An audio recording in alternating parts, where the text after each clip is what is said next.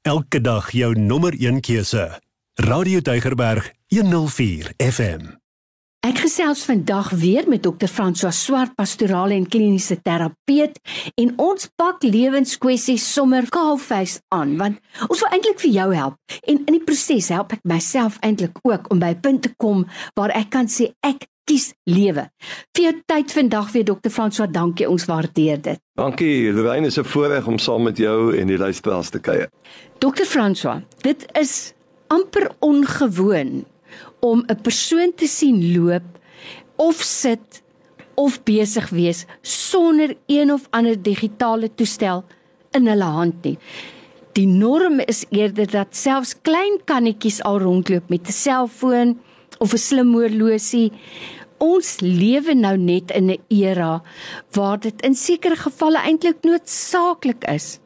Maar soos alle goeie dinge is te veel van 'n goeie ding ook nie goed nie soos die ou mense mos nou maar gesê het nê van lekker lag kom lekker huil. En nou sit ons in 'n tydperk waar digitale verslawing die nuwe gonswoord is. Vir my eintlik 'n skrikwekkende gedagte. Kom ons begin by die begin.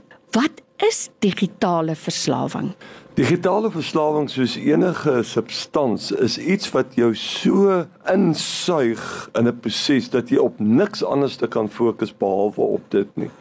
Dat al hoe minder sintuie eintlik betrokke raak en dat jy so vasgevang word in hierdie web dat dit op die ou end ook jou sosiale interaksie met mense binne jou gesinsstruktuur binne jou vriendestruktuur dat jy nie 'n normale gesprek met iemand kan voer nie. Dit het ook 'n impak dat dit jou gevoelens afstom mm. en dat jy nie wil deelneem nie en dat jy ook nie leer in terme van jou taal gebruik om te kommunikeer en jou gevoelens te verbaliseer. Jy word 'n permanente kyker, maar jy word nie regtig 'n deelnemer nie. Die ander belangrike ding is dat jou wêreld word eintlik baie klein, so groot as wat jou skerm is. En jy gee nie vir jouself blootstelling, jou sintuie. En dis hoekom dit so belangrik is om in die natuur te gaan loop sodat al jou sintuie betrokke kan wees, al jou spiere betrokke kan wees. Daarom kantoormense wat die hele tyd voor 'n rekenaar sit, hulle behoort elke 20 minute op te staan en net 'n entjie te gaan loop Moenie die heeltyd net vir jou rekenaar sit en kyk nie. Dit is ook belangrik. Ek dink ons oogkundiges sal dit ook vir jou sê dat jy kort kort by 'n venster moet uitkyk. Dat jou oë ook bietjie verder kyk as gewoonlik. Daar's nek toestande wat ontstaan. Skouers, jou ortopede sal vir jou kom sê as jy te veel voor 'n rekenaar sit op die verkeerde manier sit het ek nou die dag 'n artikel ook gelees is ook oorsaak van die meeste hartaanvalle omdat jy sit as te ware die hele tyd op jou organe. Dis ons mediese mense sal vir jou baie gou-gou vertel dat dit is baie goed om jou sintuie op verskillende maniere te gebruik. Nou die lollery met hierdie elektroniese goed is dat ons bel daarmee, dit is ons dagboek, Ons lees Bybel daarmee. En alles vermenigvuldig tot ure se tyd sodat ons voor so 'n rekenaar sit. Wat baie handig is, die mooi Afrikaanse woord is 'n toep of 'n app wat vir jou sê hoeveel ure jy voor die skerm deurgebring het en dat 'n mens kennis neem daarvan en tog begin dit beter bestuur en kyk of jy nie dit so bietjie kan afbring nie. Maar ek dink die geheim is dat jy bewus is daarvan dat jy besef dit is goed dat ek ook moet oefen en dat ek nie heeltyd vasgekeer is voor 'n skerm nie want dan is ek eintlik 'n gevangene van 'n omstandigheid en die hele lewe gaan by my verby.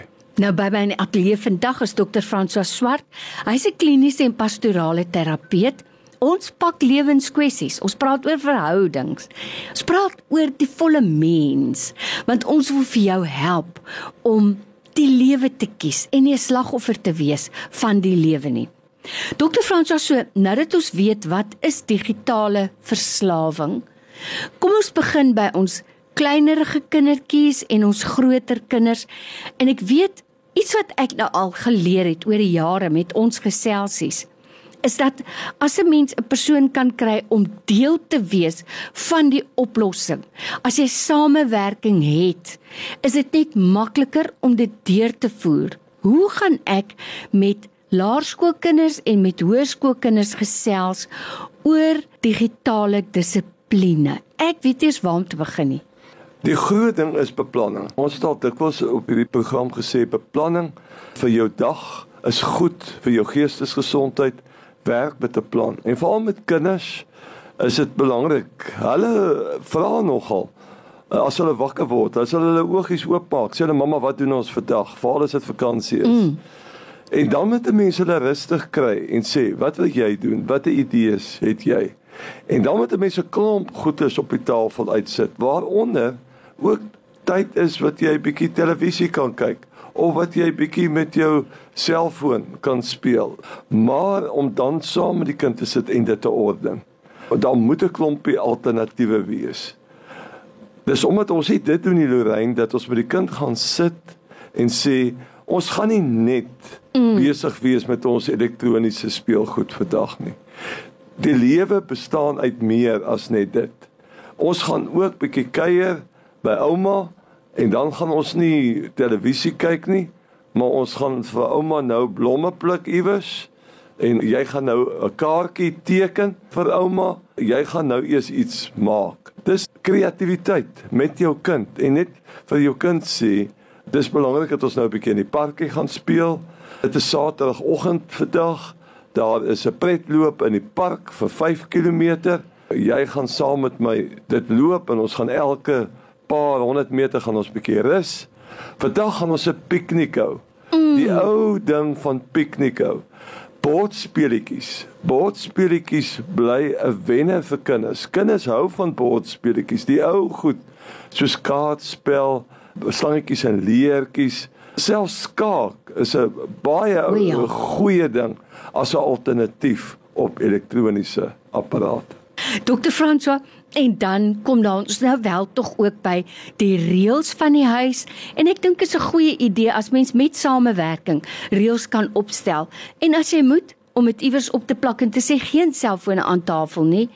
Ag hier in die aand alle elektroniese toestelle afgeskakel en dan moet ons maar almal saamwerk daaraan want voorbeeld is seker nog die beste.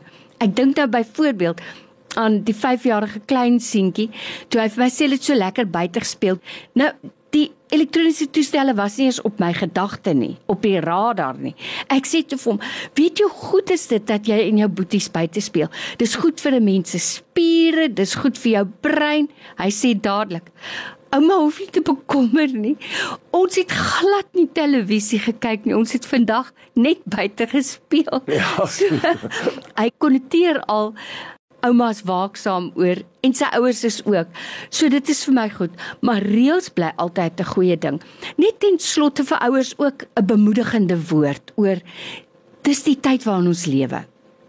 Ek dink ons ouers moet ook die elektroniese apparate en goederes wat ons het wat wat elektronies na ons toe kom. Ons moet nie net negatief daaroor hmm. wees nie. Ons leef in wonderlike tye dit kan wonderlik wees uh, vir opvoedkundige prosesse om mense kinders uh, op 'n prettige manier met Bybelse konsepte ook in aanraking te kom. Dit is nie net negatief nie. Dit moet net bestuur word, dit moet beheer word, dit moet op 'n aangename manier moet dit onderhandel word. Dan as 'n mens bietjie balans het in jou lewe en soos wat ouma vir ons geleer het, alles met 'n te aan moet jy versigtig voor wees en te veel op jou elektroniese toerusting te wees. Dit kan dalk jou inhaal op jou end. Dr. Francois Swart, kliniese en pastorale terapeut by my in die ateljee. Onthou as jy vrae het, stuur net vir my die woorde kies lewe en jou vraag en in tyd sal ons daarby uitkom. Vir jou tyd vandag vir Dr. Francois, kosbare tyd. Ons waardeer dit. Voorreg Lorraine en groetnisse aan al die luisteraars. Jy is ingeskakel op Radio Deigerberg 104 FM. FM.